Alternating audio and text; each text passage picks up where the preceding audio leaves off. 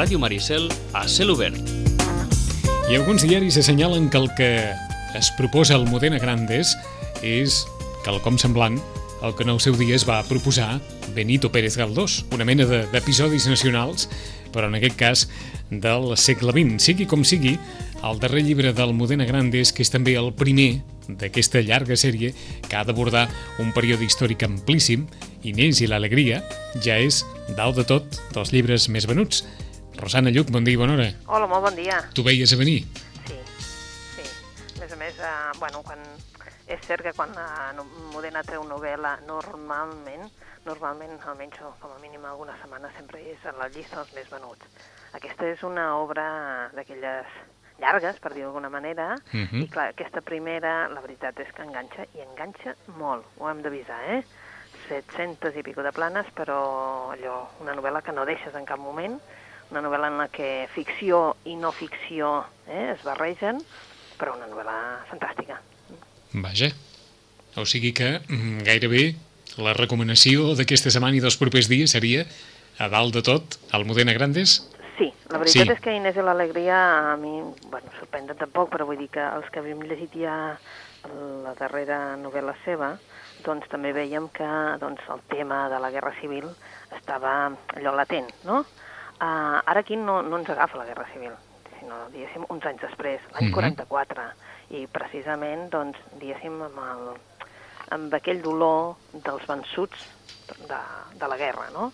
d'aquells que van haver de marxar, dels, eh? i en aquest cas, doncs, bueno, la història que ens explica és la d'Inés, una noia doncs, que, diguem-ne, de família benestant, una família en la que el seu germà doncs, arribarà a ser un dels, eh, dels delegats eh? de, del, dels vencedors, eh?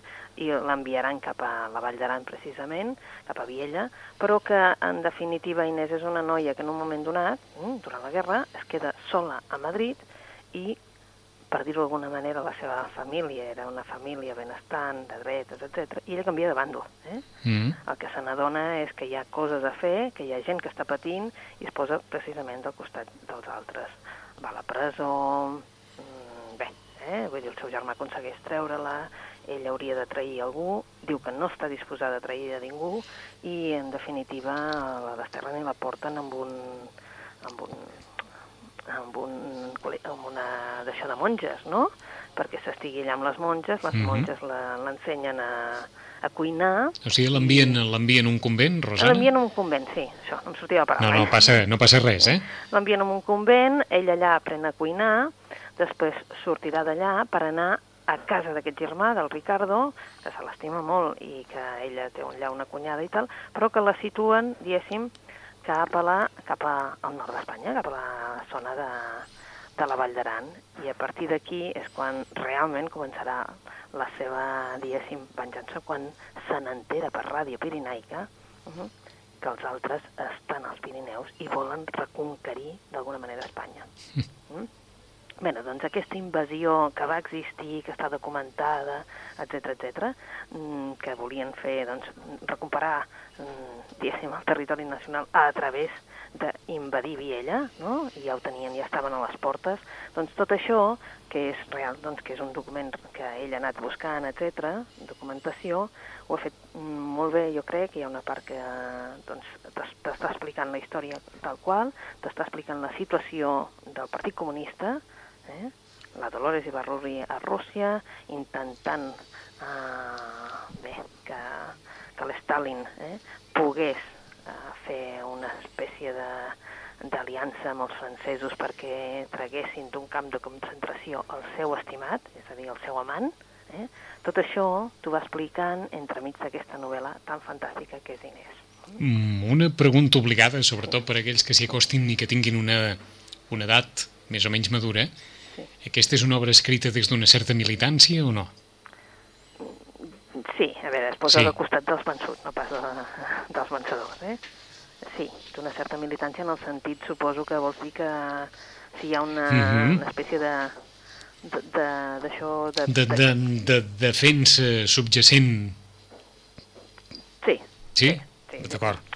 Que no- sé que no si passa- jo també l'he llegit potser amb aquest esperit, però sí. D'acord, Sí. que no passa res, eh? La Rosana diu que és una novel·la excel·lent, Sí, sí. Però, però Sí, us ho diem...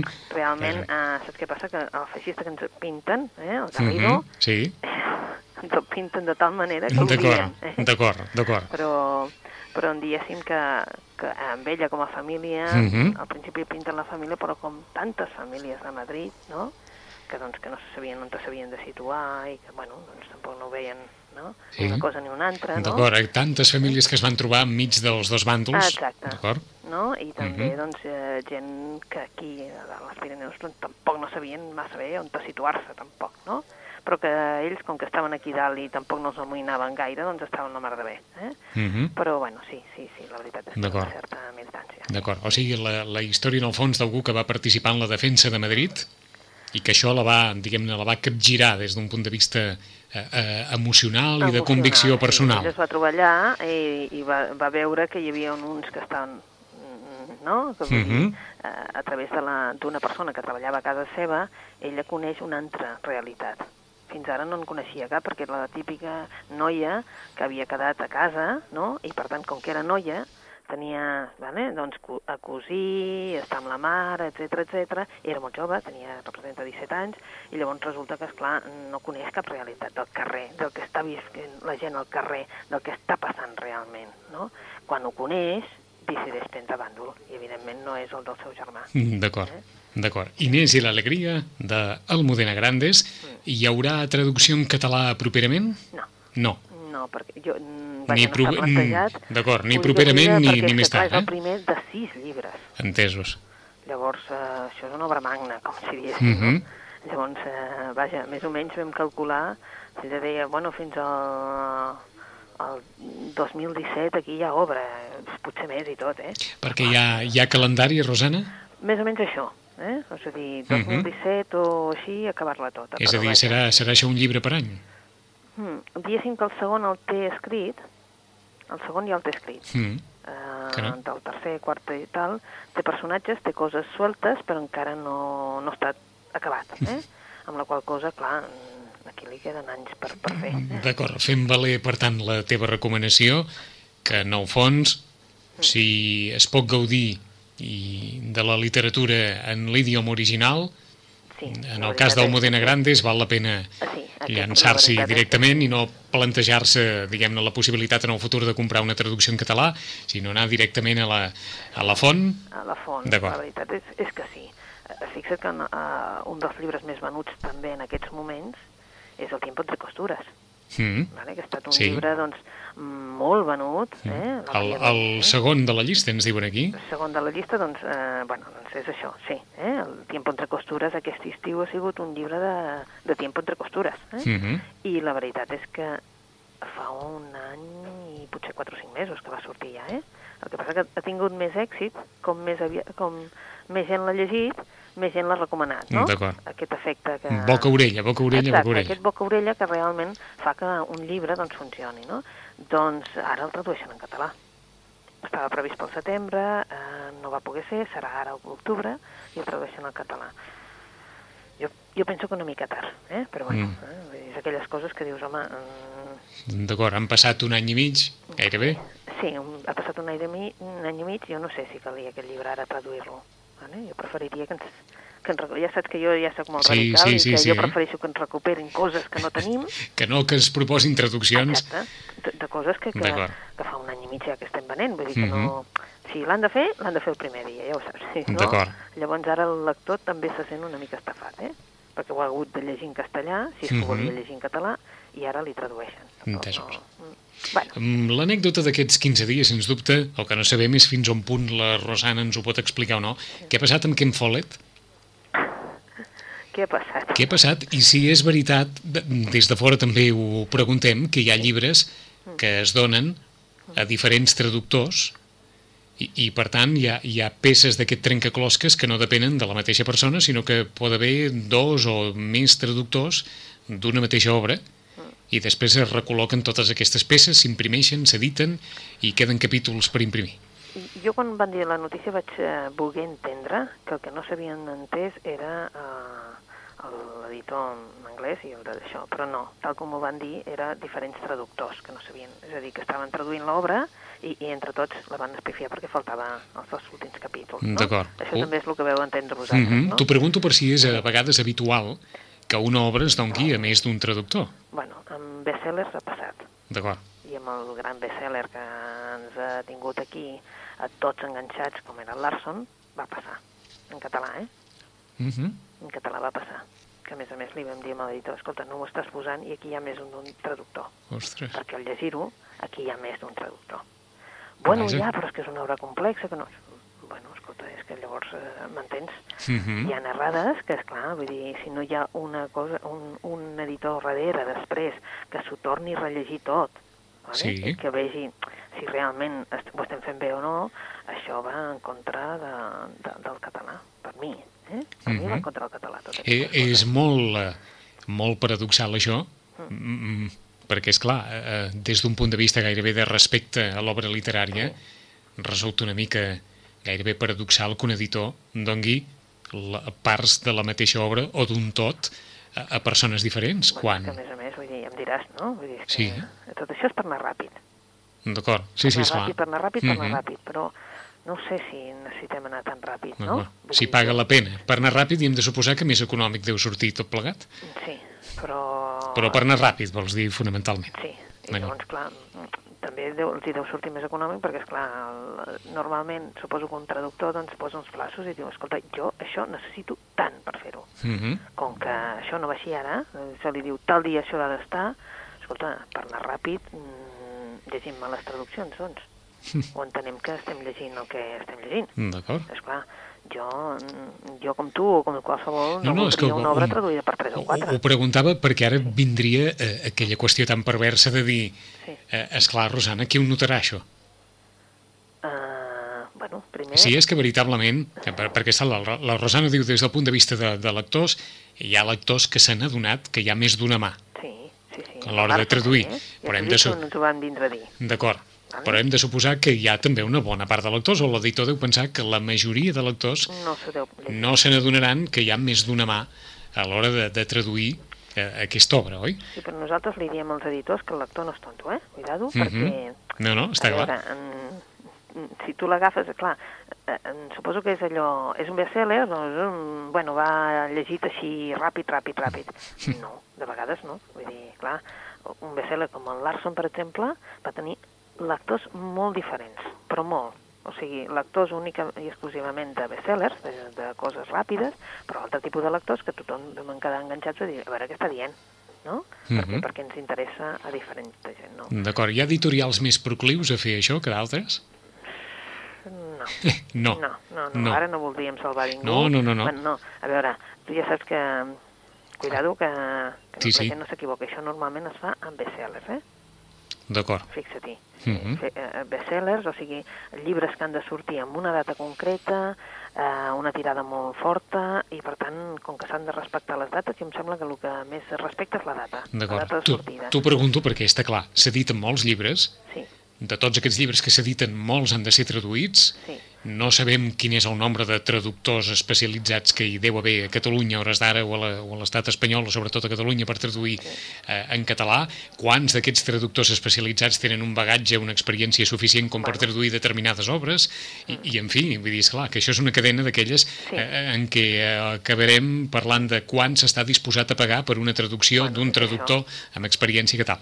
És això, no? És això, Dir, no estem, a veure, nosaltres el que demanem com a llibreter sempre és el mateix. Escolta, respecte a la traducció, cuidado, eh, perquè si no preferim recomanar-lo en castellà, perquè si no, si ens espatlles la llengua, més val que no, Apa. perquè això ens dol, Mm -hmm. o sigui, com, a mi com a, com a respecte a la meva llengua, això em dol, que estigui mal traduït, o sigui, per això prefereixo que estigui traduït al castellà, no?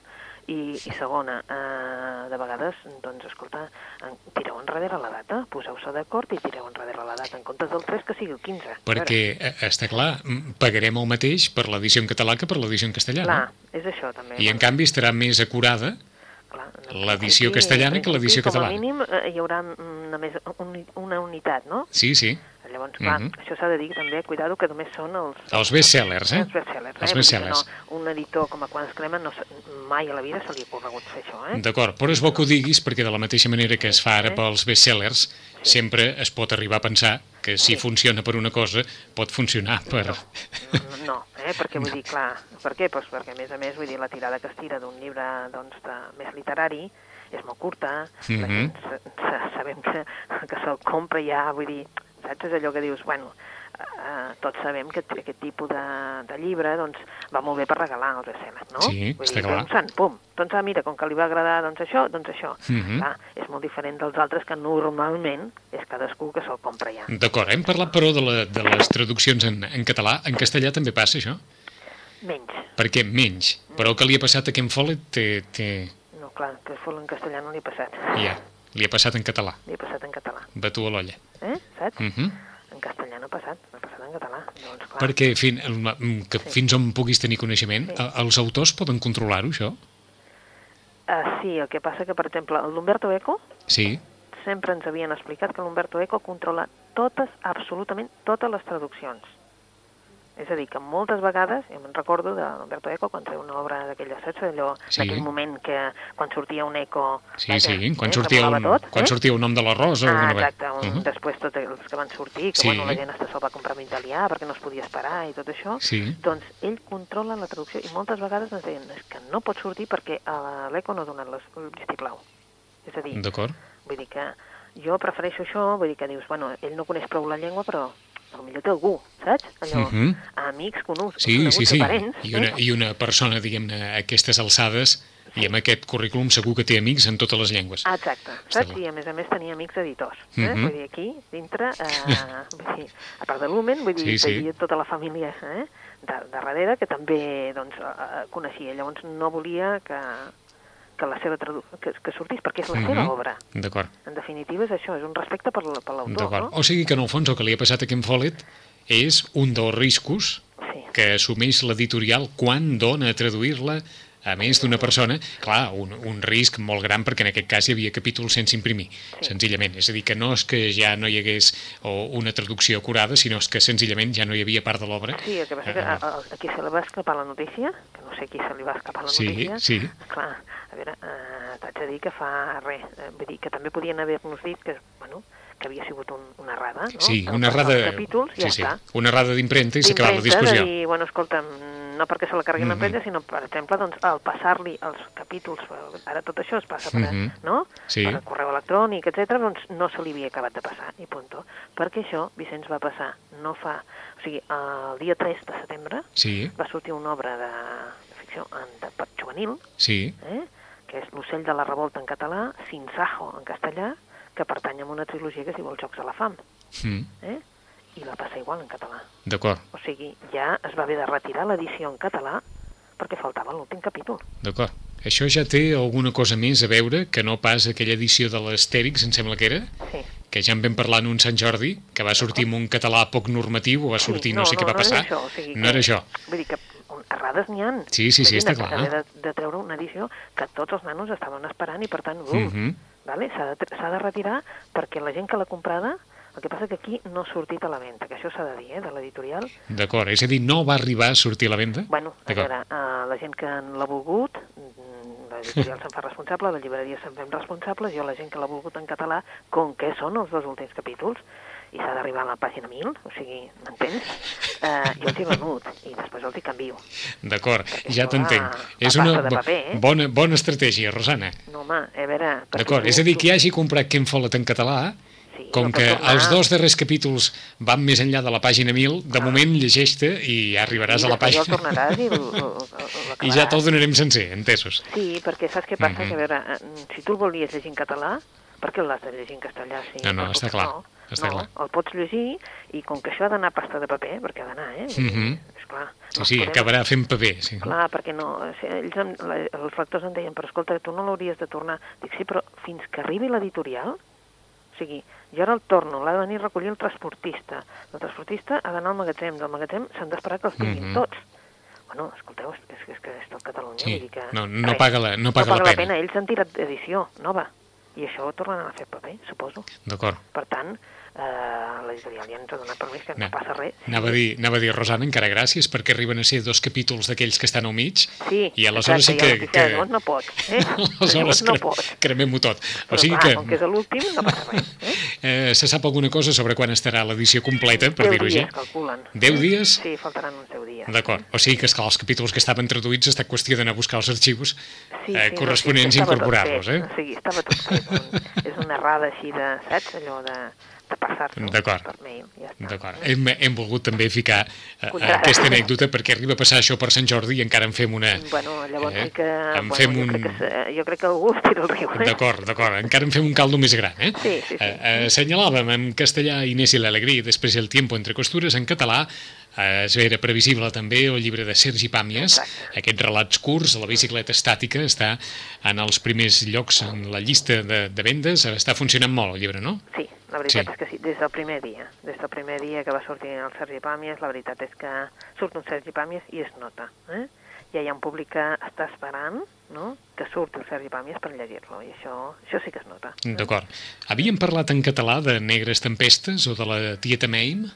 Um, De la Tieta Meim em sembla que sí. Em sembla que sí, que havíem parlat ja de la Teresa Solana, de que ja aconseguia ja, Ahà. que ja havia, havia fet diversos llibres i que Sí. ara es dedicava aquí amb aquesta subinspectora una altra vegada que, que estava investigant. Sí, sí, n'havíem Mhm. parlat, sí. D'acord, havíem parlat eh, i ens referim a títols que són presents a la llista de la història d'Edgar Soutel, Sí, sí també, dit, sí. de El invierno de Frankie Machine, de Don Winslow. Diria que sí, com a, no, eh, com a novetat d'un autor que va ser famós per el Don del Perro Sí, i que ara doncs, ens parla d'aquest eh, mafiós, eh, reformat, retirat, mm, i que, bé, eh, algú doncs, eh, s'atreveix a amenaçar la família i ja hi som. d'acord. I ens queda, que aquest sí que em sembla que no havíem abordat, La alargada sombra de l'amor, de Matías Malsieu, de, de Mondador, i una història singular, diu aquí, Matías pierde a su madre y un gigante le echa una mano para superarlo. Eh, sí, aquest és un llibre que és d'aquells que tu quan el veus eh, físicament, saps? Dius, eh, bueno, és eh, juvenil, no és juvenil? Eh, doncs eh, sí, mm, és un llibre, jo diria, d'aquells sensibles. Eh? Uh -huh. no és el primer llibre que s'escriu, és amb la mateixa estètica, la mateixa estètica, la mateixa estètica, un altre que ja, que ja va escriure, i la veritat és que és un llibre preciós. Però també per públics eh, Mm. eh, molt allunyats del que seria el Ken Follett i aquesta gent. Eh? D'acord. És un llibre sensible. D'acord, és a dir, per persones que veritablement no s'agradi allò llegir a poc a poc, Sí, Mm. saps allò... reflexionar mentre llegeixen, etc. Uh, sí, eh? Mm, és per, segur que algú reconeix la mecànica del cor, la mecànica del corazón, eh? Um, saps d'aquells llibres que dèiem que estan en crous, crossover? Sí. Eh? Que estan, que si no Sí, saps si amb aquest gènere que ens deies, sí? O són per adults. Són perquè en aquest cas és per gent amb sensibilitat, perquè és un nano, i els dibuixos de, tant de la portada com d'això són preciosos. Mhm. Sí, és d'aquest Doncs, de, crous, eh? Ah, us apuntem, però ja per si volen quelcom bastant singular, la largada sombra de la mort. Recomanacions, Rosana. Bueno, doncs ara en surten bastant, bueno, ara surt a- absolutament tot, eh? Estem a octubre, estan començant a sortir totes les novetats, i n'hi ha una, n'hi ha una que diríem que, bueno, ens ha fet gràcia, us la recomanem. Uh, fa 20 anys l'editorial Salamandra va començar la seva envergadura aquí a Catalunya amb un llibre que es deia Musclos per sopar.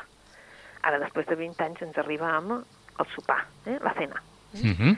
Uh, no són del mateix autor, no tenen res a veure amb un amb l'altre, però aquest La Cena és un autor holandès, uh, ell diu dels Països Baixos, eh? um, més que holandès, mm? dels Països Baixos. La Cena ha vingut allà més de 350.000 exemplars, ha sigut el premi de l'any, el llibre de l'any per tothom, i la Cena ens parla d'unes relacions molt peculiars i que van tenir, vull dir, el rerefons, diguéssim, té a veure amb nosaltres, amb, amb una cosa que ens va passar aquí. Mm? En definitiva, ens parlen d'un sopar, un sopar, eh? uh, dos matrimonis queden a sopar en un restaurant. Eh? Un dels matrimonis, eh? el, que és el, la veu del narrador, uh, és el que està, ens, ens està explicant en, en quin, en quin d'això viuen, no? Ens, ens situa realment, són matrimonis benestants, ell és el germà del Ser Lotham.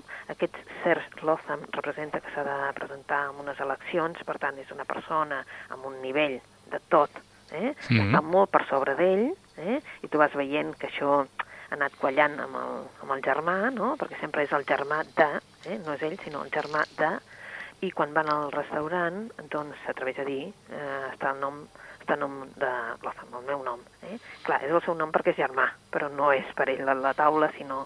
I vas veient aquesta, una mica de rancúnia entre tots dos, perquè ell mm, se'n van rient de, en plan molt irònic, de tot, des del cambrer, de la manera de fer, d'això de que et diuen avui el, doncs diguéssim, el còctel, eh, avui tenim això i això, i resulta que el còctel te'l cobren, doncs per tant diu, home, doncs si me l'han de cobrar no cal que em diguin el còctel. l'aperitiu, no?, diguéssim. En definitiva, el que han de parlar durant aquest sopar és d'un tema que els afecta a tots dos, a tots dos matrimonis. Vale? Veiem que les dues dones són completament diferents. Eh? Uh, la Claire, que és la dona d'ell, és una dona doncs, maca, tranquil·la, que, que més aviat eh, té una complicitat amb el seu home terrible. En canvi, la Babette és la dona dels Cers, del que ha arribat a, a diguéssim, i que li ha d'aguantar totes les tonteries típiques d'una persona que es fa més edat, que si ara necessita anar a un curs de vins, que si ara necessita no sé què, però en definitiva és que escapa una mica de la seva rutina diària. Mm? Han d'abordar un tema fonamental. Els seus dos fills, el Mitchell i el Rick, eh, els seus fills de 15 uh -huh. anys, han fet una cosa que pot esdevenir molt greu. En definitiva, han fet un, un acte de violència molt i molt greu. Així doncs, eh, quan arriben a les postres, també hauran de solucionar eh, perquè s'ha anat fent una tensió entre ells. Mm? Fins a quin punt els pares poden, eh, d'alguna manera, encobrir un delicte d'un fill. És una cosa injustificable, però aquest instint de protecció paterna eh, pot sobre, mm, sobreposar-se amb un instint de protecció, diguéssim, de la societat en si. Té a veure eh, amb, un, amb uns fets que van passar amb un caixer automàtic, si recordeu, a Barcelona. Sí, sí. Eh? Doncs té a veure amb això. O sigui que aquells fets del caixer automàtic a Barcelona van inspirar sí. aquesta novel·la d'un escriptor holandès que es diu El sopar? En, en definitiva, sí. En definitiva, sí. No, no, és que, és que mentre tu anaves explicant sí, sí. els fets ens anàvem imaginant precisament aquella referència. Sí, el que passa que tu en tota la novel·la no ho vas veient. Hm? D'acord. Perquè eh, representa que el pare ha pujat per casualitat a l'habitació del fill, vale? mentre el fill reparava la bicicleta, i com, com aquell que no res, doncs li mira el, el, el, el correu. Sí. I hi han penjades unes imatges que ell es queda horroritzat. Horroritzat. És a dir, que d'una forma col·lateral la, la novel·la va descrivint el fet en si? Sí, uh mhm. -huh. però de forma molt col·lateral. Eh? És a dir, que en definitiva, eh, més que res, és què hem de fer uh mhm. -huh. davant d'un... Davant d'un fet això. Davant d'un fet I, i com a, de, fins a quin punt nosaltres com a humans justifiquem una cosa així perquè és el nostre fill. Uh mhm. -huh. eh? I la novel·la ha vengut més de 350.000 exemplars a Holanda? A Holanda, sí. És, ha sigut un, eh, és un autor que aquí no havia publicat absolutament res, uh mhm. -huh. i en canvi allà doncs, ja, vull dir que ja té obra, molt, molta obra publicada, sí, sí, sí. però aquest ha sigut doncs, un, uh, diguéssim, un esdeveniment. Fins... Clar, a més a més, clar, uh mhm. -huh. si està explicant una cosa com aquesta, doncs és això. Fins on la teva capacitat per traduir l'holandès o pronunciar l'holandès pugui? Quin és el nom de l'autor? Herman Koch. Herman Koch. Koch. Sí, Koch. D'acord. Eh? Està en català i en castellà. D'acord. Eh? En català, el sopar, l'ha traduït ara a llibres. Uh -huh. eh? Doncs eh, es poden quedar amb aquesta, amb aquesta eh, reflexió. Fins a quin punt els pares poden encobrir el delicte d'un fill? O un acte de violència d'un fill, o un mal acte, o co com, ho vulguin, com ho vulguin considerar. La nostra primera recomanació d'avui, editat per Salamandra, el sopar, la cena, de Herman Koch. Més. Més. Doncs n'hi ha una altra que ara sí, aquesta autora segur que la, les lectores la reconeixeran. Es diu Lisa C. i eh, va, eh, va escriure El ventall secret. Mm? Eh, en definitiva, l'abanico de seda en, en castellà eh, va ser una obra d'aquelles de, mm, que es venia, i es venia molt, perquè ens parlava d'un llenguatge secret, mm, la Xina, que era el Nushu, que es transmetia únicament a través de les dones i que es transmetia a través de brodats. Eh? Que era un llenguatge que es transmetia de dona a dona, és a dir, de Mhm. mare a fills, eh? sempre per via materna, mai per via paterna. I que, a més a més, era una espècie de, um, d'aliança de fer una amistat amb una altra persona, amb una altra dona, eh? que estava patint el mateix. En aquell episodi de l'Alissa Sí, en el ventall secret, era una mica que tu acabaves eh, doncs, eh, entenent que la Xina ancestral doncs, eh, les mares, per molt que els hi dolgués, havien d'embanar els peus amb els seus filles perquè tenir un bon matrimoni. I la filla, tot i sabent que potser la filla no arribaria, no?, eh, diguem-ne, perquè n'hi havia alguna doncs, que podia morir d'una infecció, com passa en el llibre de la Lisa Xi. Mhm. Però ara ens parla d'un tema molt diferent. Dos xiques de Xangai. En català també està traduït, eh, dues joves de Xangai. La Lisa sí, amb aquesta novel·la eh, se'n va, eh, diguem-ne, amb una altra generació. Se'n va cap al 1937. Xangai era allò, doncs, com una espècie allò de ciutat com cosmopolita, sofisticada, eh, hi havia de tot, eh? Hi havia mm, pobresa, però també hi havia gàngsters, milionaris, jugadors, artistes, hi havia absolutament de tot.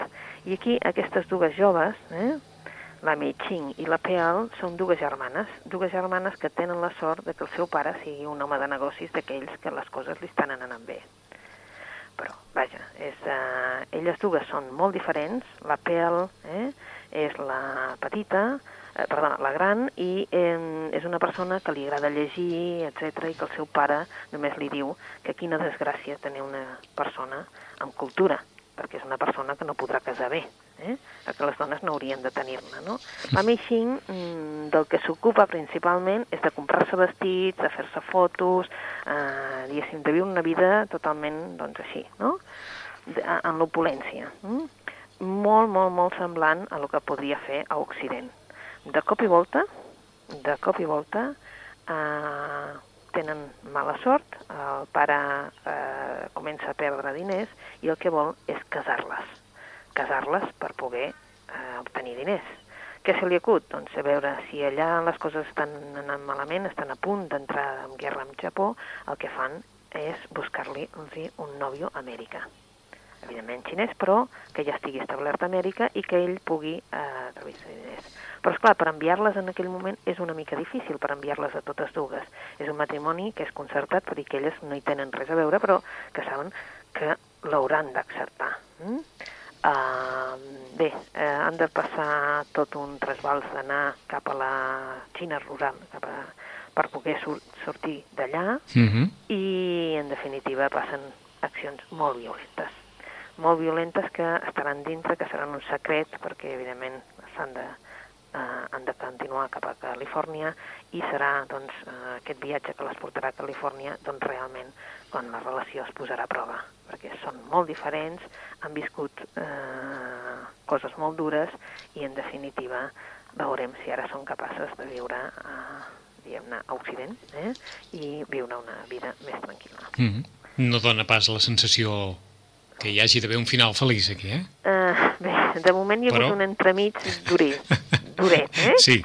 Duret, eh? Mhm. Però vaja, mm? i a més a més, eh, la que tenia el caràcter més feble representa que a través d'això també doncs s'ha de sobreposar i veure doncs, que li toca ser molt, Mhm. molt dura. Mm? D'acord. El que sigui, passant per sobre de qui sigui. D'acord? Uh, el rol de la dona de nou en la, Sí. en la societat xinesa, eh? A partir de dos xiques de Xangai, aquesta història de dues germanes, filles d'un pare que accepta la vida diguem-ne, més o menys ociosa d'una d'elles i en canvi li retreu a l'altra que li agradi tant la cultura i llegir, però que arriba un moment en què ha d'intentar que totes dues es casin perquè el pare pugui salvar la seva economia. Sí, de... tenen poc a dir, eh? Que tenen poc a dir, tenen poc a dir. poc a dir, perquè eh. igual que fins ara tenia poc a dir uh -huh. el mhm. pare, de dir, bueno, vestits, eh, fotos, sí, sí.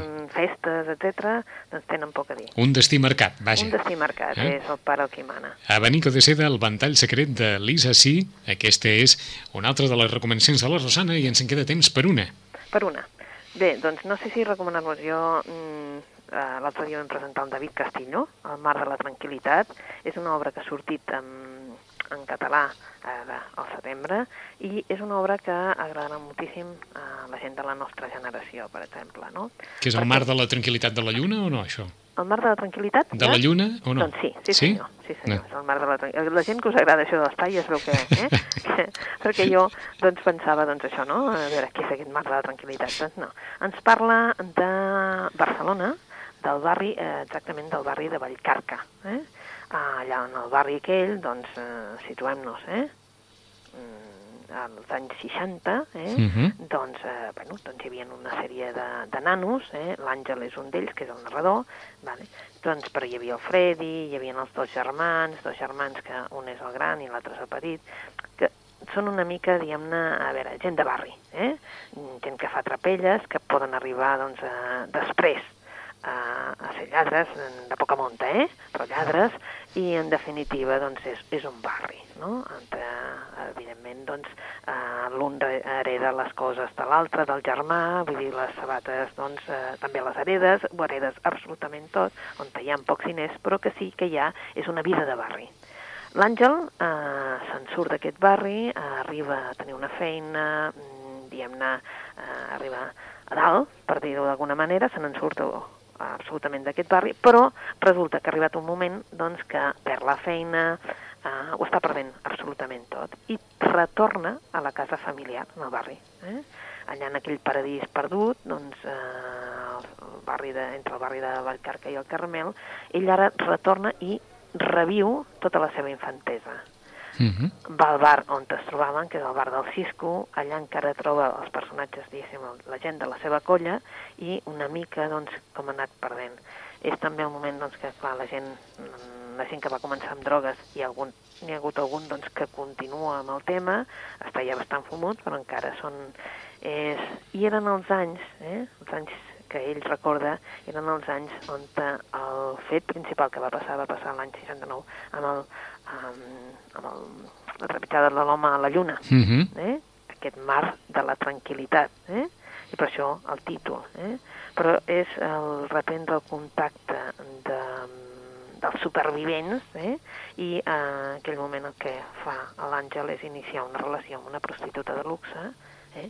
que serà el que el retornarà de nou a la vida perquè ja estava desfet, és a dir, el banc eh, l'amenaça, li treuen tot i en definitiva l'únic que li queda és la casa de, dels pares, la mare, eh, que l'acull, eh? però que també és molt dur que quan t'has fet gran hagis de retornar amb això, no? a casa dels pares. O sigui que és una crònica generacional, Rosana? Jo crec que sí. Sí. Jo crec que sí. Eh? És una mica... Eh, jo diria que és una manera de fer una mica de memòria eh?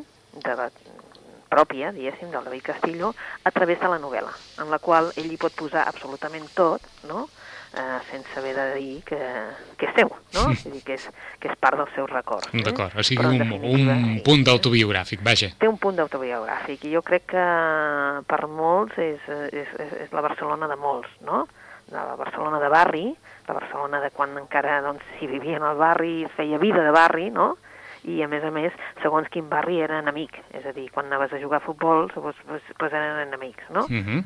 En definitiva és Barcelona, mm? però sí que la veritat és que ho veus molt ben reflectat. Doncs anem a fer un repàs a les recomanacions que ens deixa la Rosana avui per, eh, anàvem a dir, per sobre de totes, bé, Inés i l'alegria, mm. del Modena Grandes, una excel·lent novel·la, la primera de les sis, que han de conformar aquest fresc històric que, com deien alguns dels diaris, té un punt de galdós a, a l'hora de, de proposar-s'ho. Inés i l'alegria.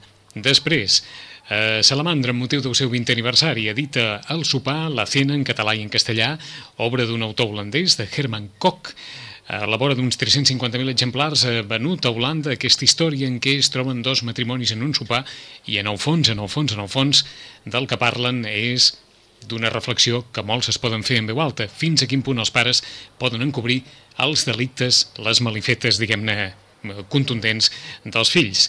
De l'Aissací, una història en què el paper de la dona i del seu esperit de sacrifici a la Xina del segle XX és protagonista. Dos xiques de Xangai, dues joves de Xangai, en català i en castellà, i finalment de David Castillo, al mar de tranquil·litat, una història darrere de la qual hi ha el retrat d'una generació en la Barcelona dels 60. En 15 dies i tornarem, com sempre, amb el nostre habitual temps dels llibres amb la Rosana Lluc. Rosana, fins aquí 15 dies. Fins aquí, fins aquí. Que vagi molt bé, continuarem repassant les novetats literàries i a tots vostès demà a les 9 i tornem en una nova edició de la Cel Obert, a la sintonia de Ràdio Maricel, com sempre, un repàs al que haurà donat de sí el dia d'avui, altres informacions i el dia en què s'inaugurarà la 43a edició del Festival de Cinema. Fins demà, adeu-siau.